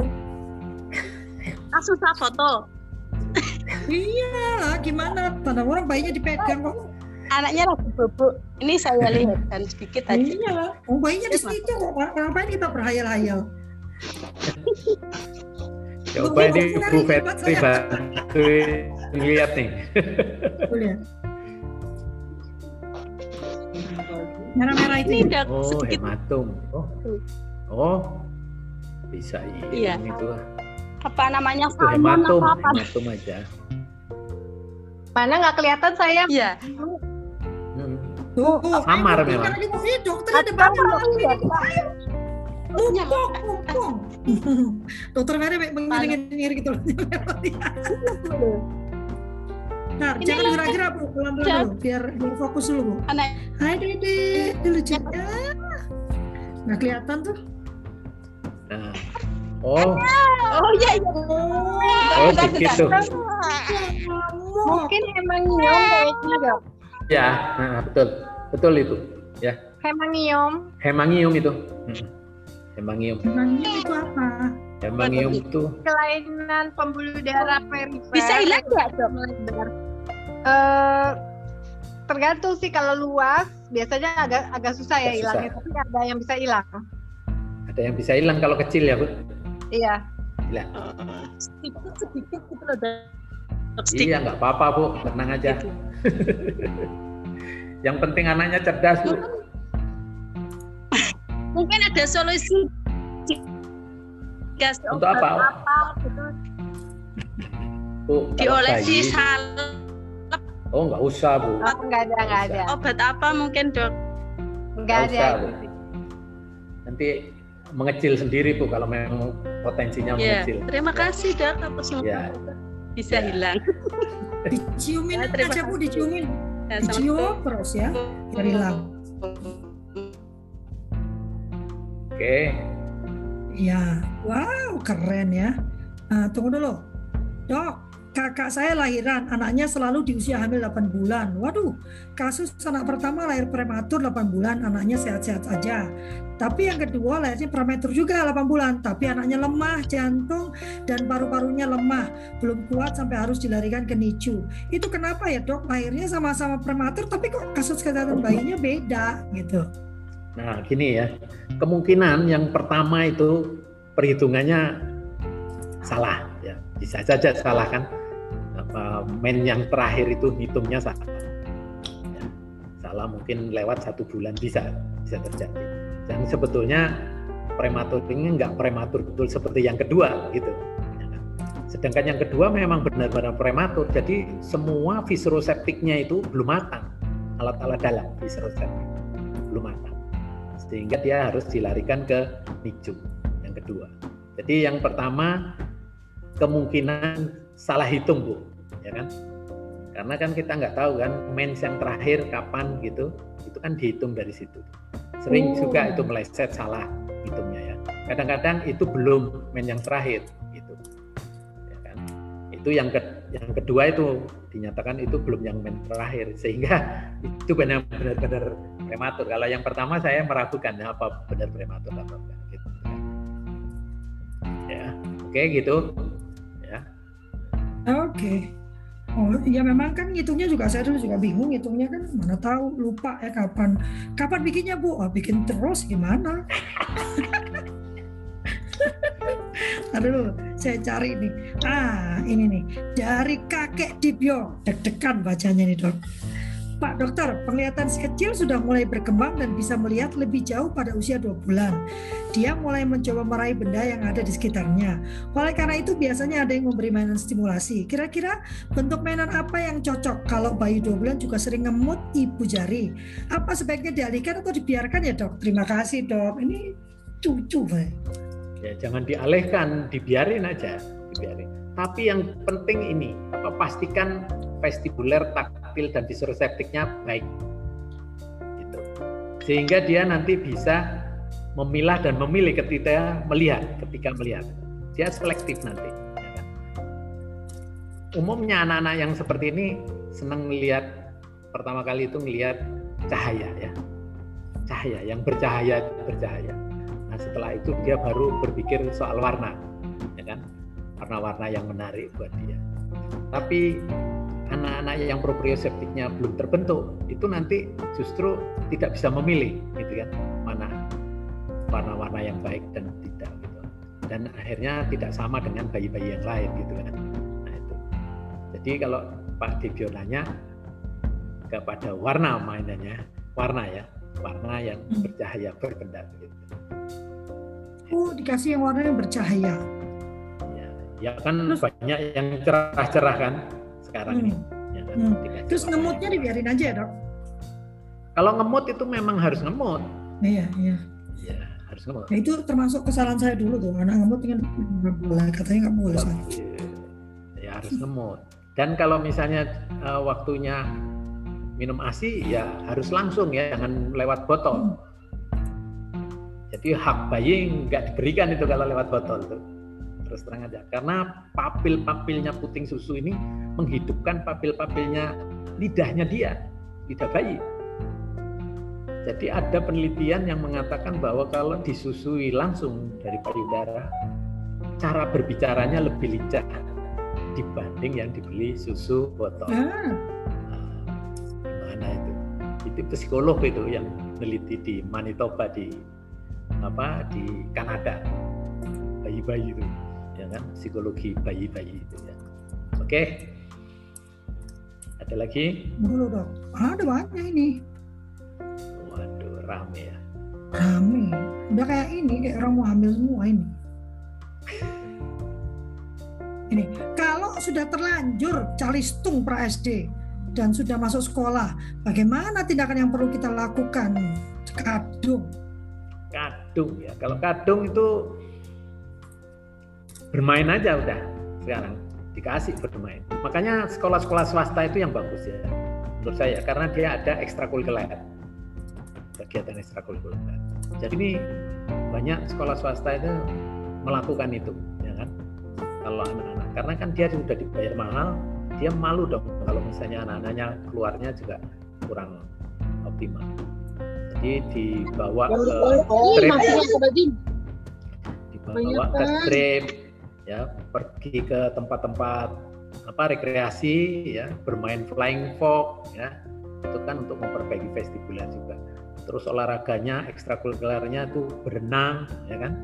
Berenang yang paling bagus ya anak-anak seperti itu ya bu. Bisa terjawab ya. Tidak ada kata terlambat. Tidak ada kata terlambat. Ya, kayak anak saya dulu dok, yang gede itu, eh, jadi eh, umur lima tahun ya, lima tahun tuh saya harus kembali ngajar dia merangkak, Iya. merangkak. kan beren- kali. berenang itu kan mirip perangkak juga itu kan Iya, jadi kata kata psikolognya waktu itu merangkak dulu bu pelan-pelan sambil berenang. Jadi anak saya yang gede itu enam bulan baru bisa ngambang, belum bisa ngambang itu Iya, butuh iya. enam bulan dia. Saya udah seneng banget dia bisa ngambang. Tapi begitu dia bisa ngambang dia bisa naik sepeda. Iya. Saya mau tanya anak saya itu usia empat setengah bulan. Saya dominan sufor, susu formula. Tapi sekarang anak saya susah sekali minum susu dari dot itu. Kenapa ya dok? Dan saya harus bagaimana? Mohon solu- solusinya ya. Hmm, ditanya dulu itu lahirnya normal apa enggak Normal enggak? beratnya berapa ya kalau lahirnya normal ya kalau lahirnya normal kemungkinan ada yang nggak sempurna ketika ini kebanyakan vestibuler ya yang seperti seperti itu ya. Vestibuler buat saya meneliti ke mana-mana itu selalu dimulai dari vestibuler karena vestibuler itu ada dua sakulus dan utriculus utriculus itu yang mengendalikan visoroseptik yang sakulus itu mengendalikan taktil. Ya. Jadi dua ini yang berperan ya. Kalau dua ini nggak harmonis udah ya kan? Yang tadinya enak-enak minum susu yang tadinya ngomong terus hilang suaranya ya kan? Banyak itu terjadi. Makanya kalau autis itu kalau dua-duanya utriculus dan sakulus ini terganggu wow sudah autis. Tapi biasanya salah satu aja ya kan? Salah satu aja. Jarang yang dua-duanya. Jadi makanya diagnosa autis tidak boleh banyak-banyak dikit aja Oke, ada lagi. Benar banget dok, empat anak saya hanya satu yang sesar dan yang lahir sesar ini yang paling keras kepala dan ngeyel dibanding saudara-saudaranya. Bener kan? Keras kepala kan? Iya. Begitu memang karena dia apa? Persepsinya dengan saudara-saudaranya beda. Karena dia persepsi dengan pola gangguan vestibuler. Yang benar seperti ini tegaknya. Nah, gitu menurut dia. Dia keras kepala, udah nggak mau. Ya, dikasih tahu A, kalau dia mintanya Z ya sampai kapan pun Z, ya kan? Dikasih tahu toko sudah tutup, suruh beli mainan gedor toko terpaksa bayar lebih kan harganya 15 ribu kasih 50 ribu supaya buka tokonya. Sampai pulang diberikan mainan mainannya rusak. Itu banyak itu yang seperti itu ya. Oke. Jadi gaul sosial itu penting ya dari vestibuler. Dok, apa ada cara agar di awal kehamilan nggak ada ngidam? Soalnya tersiksa banget, nggak bisa makan, semuanya dimuntahkan lagi. Bahkan yang yang wangi aja mual. Orang pengen ngidam bisa makan macam-macam, kok malah nggak mau ngidam. Ya, kalau ngidam itu kan karena memang ada anu apa eh, bawaan dari yang dihamilkan, yang hadir apa zat-zat yang ada di kehamilan ya kan dari situ kan mempengaruhi memang ya. Oh, lahirnya sesar katanya dok yang tadi dok. Oh, Yang pertanyaan yang tadi. Oh iya benar itu kalau lahirnya sesar seperti Lahirnya itu. memang. 2,1 kilo. Waduh, dua Kecil? Kecil. Heeh. Nah, berarti hiperaktif itu anak itu pasti hiperaktif ya kan karena itu jelas yang utrikulusnya yang terganggu yang visceroseptic anak itu makannya banyak tapi nggak bisa gemuk. Itu kalau utrikulus jadi apa yang dimakan lewat aja gitu. Dan utrikulus kalau terganggu itu yang bisa hiperaktif ya kan? Akhirnya dokter-dokter tumbuh kembang suka memberi suruh diet tidak boleh makan itu kalau saya enggak saya suruh kasih makan itu saya lakukan PVT lebih cakep begitu dilakukan PVT malah dia bisa ngatur makanannya nanti akhirnya. Banyak itu. Jadi gemuk-gemuk kalau ketemu saya yang kurus-kurus. Kemarin itu ada satu datang hari Minggu. Uh, anaknya kok makannya enggak nah, saya cek wah ini kan vestibuler tuh ini kita lakukan dikerjain ibunya baru seminggu katanya wah anak saya sekarang beratnya tidak seperti sebelumnya pak mulai ada naik-naik karena makannya tidak langsung merah gitu kan oke lanjut bu ada lagi ya. Uh, uh, uh, kalau dijelaskan lagi nanti pusing ya. Nanti Stuti boleh cek lagi di YouTube ya. Ya kan? Nanti satu jam lagi dokter menjelaskan tentang kecerdasan, pengaruh vestibuler segala macam ya. Kata Kak Yeti, Kak dokter, Pak dokter bisa diundang nggak memberikan materi grup PAUD? Lah ini udah diundang ya. Silakan aja nanti uh, Kak Yeti sudah ada dalam grup kita kan. Nah nanti kita bisa berdiskusi, bisa berkomunikasi di situ ya. Uh, karena memang kita mau mengembangkan ke semua guru PAUD supaya paham ya, supaya benar-benar bisa menghasilkan anak-anak yang siap ya. siap Apa- cerdas apa? Siap Siap cerdas cerdas. Ya. Ya, ya Kak Dia, nanti mi- minggu-minggu depan ya kita akan bicara soal anak umur 3 sampai 6 bulan ya. enam tahun Jangan dihabiskan semua nanti ini ya. Iya. ya 5 sampai 6 eh, tiga- 3 6 bulan, Dok. Sekarang kan 03. ya 36 dong. ya Ya kan? Dok, Ya. saya pernah baca kalau prematur 7 bulan lebih baik dari prematur 8 bulan. Betulkah itu, Dok? Iya juga ya, Dok. Katanya kalau 8 bulan jadi kecil jadi ini jadi kecil lagi gitu. Ya enggak, itu tergantung ininya kan, tergantung apa gangguannya ya. Kalau visceroseptiknya itu terganggunya eh, tidak berat, itu memang lebih baik. Jadi bukan tergantung pada enam bulan atau umurnya, bukan. Tergantung visceroseptiknya.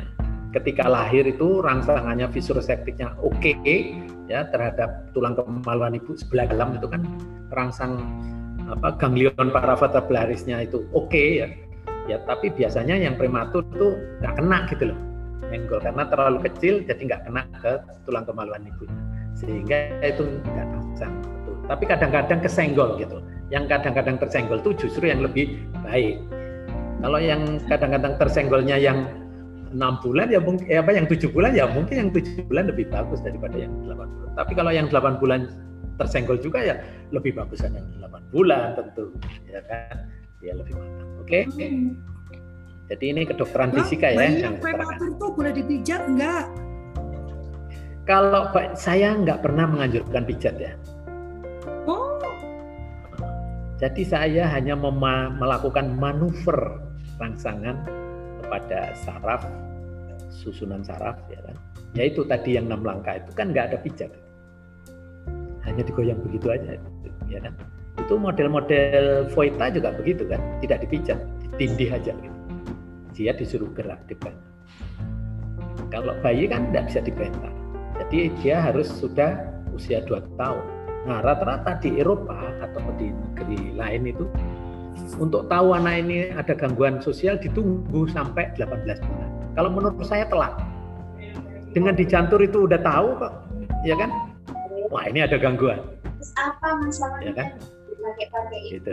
apa tujuannya Jadi yang benar itu tiga bulan, ya kan? Supaya proses mengguling, merangkak dan sebagainya sesuai dengan milestone-nya. Ya, tidak menyimpang. Kalau tunggu 18 bulan, itu sudah mau masuk memori. Itu anak nanti trauma ya, diguling-gulingkan di jantur-jantur itu jadi trauma. Oh, ya. Jadi tiga bulan itu yang bagus ya. Tapi ada juga yang datang 18 bulan, tapi terpaksa saya harus bikin dia takut, bukan trauma ya. Kelihatannya anak ini karena terlambat sehingga belum masuk memori, takutnya dia jadi otis. Saya lakukan. Terbebas juga, bersyukur tuh. Anaknya dokter tumbuh kembang lagi itu. Bayangin coba. Dia mungkin ke mana-mana mentok ya, nggak tahu terus ada berita saya itu dia iseng-iseng lewat message saya message itu di Facebook message itu saya suruh apa videoin gerakan seperti ini Gitu. akhirnya saya, setelah saya tanya ketika usia tiga bulan berikutnya wah iya dok berubah sekarang anak saya nah udah. Aman enggak enggak jadi apa terkurung kayak anak otis gitu ya. Oke saya kira itu Teman-teman, pertanyaannya banyak banget. Waktu kita tinggal lima menit ya. Ini saya save pertanyaan-pertanyaannya. Nanti saya kirim ke Pakar untuk dijawab secara eh, apa? Secara chat. Nanti saya kirim ke grup kita ya. Eh, dan yang untuk anak 4 tahun ya yang terlambat bicara, sabar. Ada Dokter Tri Gunadi. Nanti kita bicara sama orang itu udah fokus-fokus masing-masing. Ya sudah sengaja eh, Lovely rayu satu persatu gitu kan supaya kita lengkap ya. Kanungki udah ada belum sih Kanungki? Ini Kanungki ini nakal cuman diem aja Pak dokter ya. enggak ada ada dia Gak ada dia. Oh, dia harusnya dia sudah sepakat dia yang mem- memimpin acara ini sebetulnya. Oke, dok, eh, eh, silakan memberikan eh, pesan-pesan penutup. Oke, sekali lagi Bapak Ibu sekalian ya, mungkin lebih banyak ibu-ibunya ya ini. Jadi prinsipnya kita harus punya konsep lahir siap cerdas, yaitu eh, besarnya bayi dan luas panggul ibu harus ideal. Tadi syarat-syarat itu yang penting. Karena apa? Karena agar ketika lahir rangsangannya ini waktu mules sempurna, kemudian waktu rotasio interna atau paksi dalam itu melintir di dalam keluar dari mulut rahim itu. Itu juga sempurna menggeserkan tulang punggungnya ke tulang kemaluan ibunya itu sempurna. Kemudian setelah berikutnya adalah keluar dari mulut kemaluan ibunya menggeserkan ke tulang ekor ibunya juga sempurna itu prinsipnya lahir siap cerdas. Ya kan?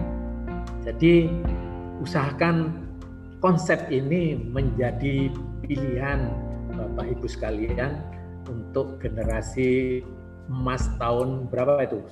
2045 ya. Ini masih ada waktu nih ya. Kalau anak-anak kita lahirnya seperti itu akan baik. Saya kira itu Bu ya. Jadi tidak ada kata trauma pada bayi, lakukan aja jangan takut dengan PVT tadi ya kan. Kita tidak nyuruh mijit ya Bu, jangan dipijit. Ya, gerakan itu aja. Nanti Ibu akan terkaget-kaget anaknya kok cepat menggeliat dan sebagainya. Saya kira ini Bu Lovely yang bisa saya sampaikan konsep lahir siap cerdas. Terima kasih. Wassalamualaikum warahmatullahi wabarakatuh. Waalaikumsalam. Belum saja loh, oke nanti masih ada seri-seri berikutnya nanti kita tata ya. Teman-teman saya mau minta uh, kepersetujuan teman-teman ya, karena minggu depan itu sudah puasa ya, kalau nggak salah ya. Selasa minggu depan itu sudah masuk ke bulan puasa ya. Sehingga kalau kita lakukan jam 7 malam, uh, sepertinya itu sudah waktunya tarawih ya. Benar nggak? Iya. Tarawih. Kak Lovely. Uh, sepakatkah Benar. kalau kita geser? Jadi selama bulan puasa itu kita geser ke jam mau jam 3 sore atau jam 4 sore ya? Jam 3. Ah, jam segitu waktunya masak Kak Lovely. Oh, terus jadi maunya jam berapa? Jam 4? Jam 3. Eh, Jam 4 kalau Nah. Kli Jam ngebuburit. 4 boleh ya? Iya, Jadi iya. sempat. Ngabuburit gitu ya ceritanya. dapat Iya, ngabuburit ya, betul. Nah, Ya, karena saya 4. baru sadar kalau minggu depan tuh sudah masuk bulan puasa ya. Jam 8 malam. Jam 8 malam. jam tarawih. 8 Kemalaman kalau nanti. ngantuk. Ya, kamu kan besok paginya mesti bangun jam Kalau 2 pagi ya. gimana Iya, dong? sahur. Kak, kalau pagi. jam 4, Kak. Empat. Jam 4. Mul- Jam 4 jam- aja. jadi mulai Selasa minggu depan selama bulan puasa kita akan lakukan jam 4 sore ya. Oke, di share di grup WA ya. ya. Siap. Ya, nanti saya akan share di grup jam 4 sore. Ya, minggu depan kita bersama. Jadi eh, Lovely tidak akan bikin bersambung ya. Saya akan lompat-lompat eh, apa te- eh, topiknya supaya menarik ya. Nanti besok eh, Dokter Tri bicara tentang umur 2 dikit ke atas. Nanti balik lagi ke eh, Dokter Bagus, lalu ke Kak Nu, eh, Kak Nungki untuk bicara tentang metode-metodenya yang lain ya. Biar kita semangat terus ya. Kalau merasa bermanfaat silakan disebar ya makin banyak makin baik gitu kan ya eh, kenapa nggak jam 8 malam aja kak karena teman-teman yang muslim itu tarawih ya tarawih saya ingat saya itu setelah Isya. Isya isya itu jam 7 lebih jadi Iya. kemungkinan besar jam 8 tuh baru Masih selesai sholat tarawih. Iya. Iya, dan seingat saya kalau dulu saya pasti baca Quran kayak apa kayak dia setelah sholat tarawih ya. Kalau di NTB jam 9. Udah selesai. Nah, jadi tahu banget ya. Heeh, nggak tidur tidur ya. Nah, jadi saya Iya. pikir Ya, kok saya pikir kalau jam 8 malam ini kurang nyaman ya. Iya. Untuk yang masak gini selama bulan Sambil Ramadan. masak bisa kalau Kli. Ya, Iya, kalau saya ya. kalau, kalau, kalau anggarannya silakan sambil masak kita sambil mendengarkan saja ya. Ya, kalau jam 2 siang eh, masak kayaknya ya. Ngantuk. Belum. Lagi lapar. Oke, Bu Yaya Yohan Zohan. Eh jam 4, jam Bu 4. Yaya Zohan ada di depan saya, ngapain ya? Kok saya lihat ke, ke kanan ya? Bu Yaya, bagaimana kalau kita bersepakat saja karena teman-teman banyak memilih jam 4? Ya, Kalau jam enggak, 4 aja. Jam 2 sama aja. Jam Korong, Jam 4 korong. ya. Oke, kita bersepakat. Oke, jam 4 setuju, Lovely. Oke, kita bersepakat jam 4 ya dengan topik yang yang luar biasa. Kalau jam 5 nanti kita setengah 6 itu sudah terlalu mepet dengan maghrib ya. Di sini saya jam tahu 6. Mendekati maghrib ya itu kan butuh persiapan juga ya dulu saya juga begitu ya. Jadi mari kita ber kita berempati dengan teman-teman yang muslim yang ma- memasuki bulan Ramadan. Jangan sampai karena kita seperti ini tuh mengganggu kekusyukan mereka beribadah ya. Ya, jadi kita kasih. jam 4 sore. Ya, ya, ya. Jam 4 sore nanti supaya setengah eh, jam 4 jam 5 setengah eh, kalau jam 4 tuh setengah 6 loh selesai Bu. Enggak apa-apa ya? Ya. Enggak apa-apa ya? Iya. Kak. Oh, kali kapan jam 4 udah jam 5. Oh my god. Ya, di kita sudah jam 5 kalau jam 4. Di NTB juga.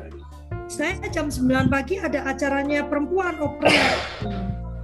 Setengah 9 empat, pagi. setengah empat.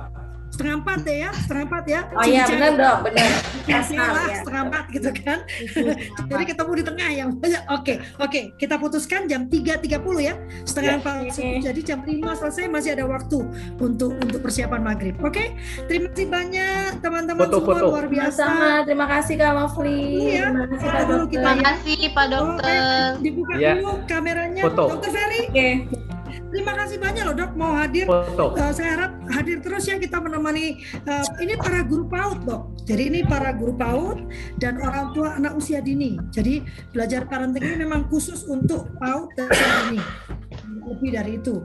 Ya kalau yang parenting secara umum itu pagi jam 7 sampai jam 8. Dokter juga sangat rajin hadir. Eh, teman-teman datang ke kultur parenting pagi jam 7 sampai jam 8. Besok Kak Thomas yang akan berbagi tentang bahwa anak kecil itu ya waktunya bermain ya. Dia Ya, Oke, foto dulu ya. Satu, Bu Amyar, Bu Widya Stuti, Bu Raras, Bu Zaki, ya, Bu Dian. Oh, duh, ada yang ada yang nonton ini, nonton apa sinetron? Satu, dua, tiga. Oke, saya kirim ke grup ya. Oke, oh, ada lagi dong. Ada empat ini soalnya. Yuk, yang keempat, buka. Yang kedua, aduh Pak Sofian, Pak Ahmad Sofian, pertanyaannya nanti saya jawab. Saya akan tanyakan ke Dokter Ferry dan Dokter uh, Ba- Bagus. Nanti saya japri ke Bapak ya. Pertanyaannya bagus sekali soalnya ya. Nah ya, oke ya, foto dulu ya. Satu, dua, tiga. Aduh, eh, Bu Marta jangan nulis dulu. Saya jadi ini ketutupan yang di bawah. Satu, dua, tiga. Iya. Nggak bisa buka kak. Apanya? Oh iya nggak apa-apa. Oh sambil nenek. Oh iya. Jangan bu. Nanti jadi ini. Kakek kakek di kok nggak dibuka? Kameranya nggak bisa foto. Lovely jadinya. Pak Dibio. Cis, gato. Pak Dibio nggak ada kayaknya dah. Cuma ininya doang. Biasanya sudah ada gambar di situ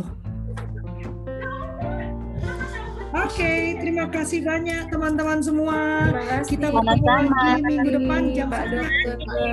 ya. Ya, sama-sama. Ya. Oke. Eh, mohon maaf apabila Terima ada dokter. Ya, sama-sama. Terima kasih Kak Lovely, dokter, teman semua. Ya. Assalamualaikum. Terima kasih sampai ketemu lagi. Selamat Ya. menaikkan ibadah ya, ibadah puasa ya. Terima kasih. Bye. Tuhan berkati. Wassalamualaikum. Dokter Ferry nyaman banget. Makasih Bunda. Ya, sama-sama. Udah capek ya. Dokter. Oke, saya off ya.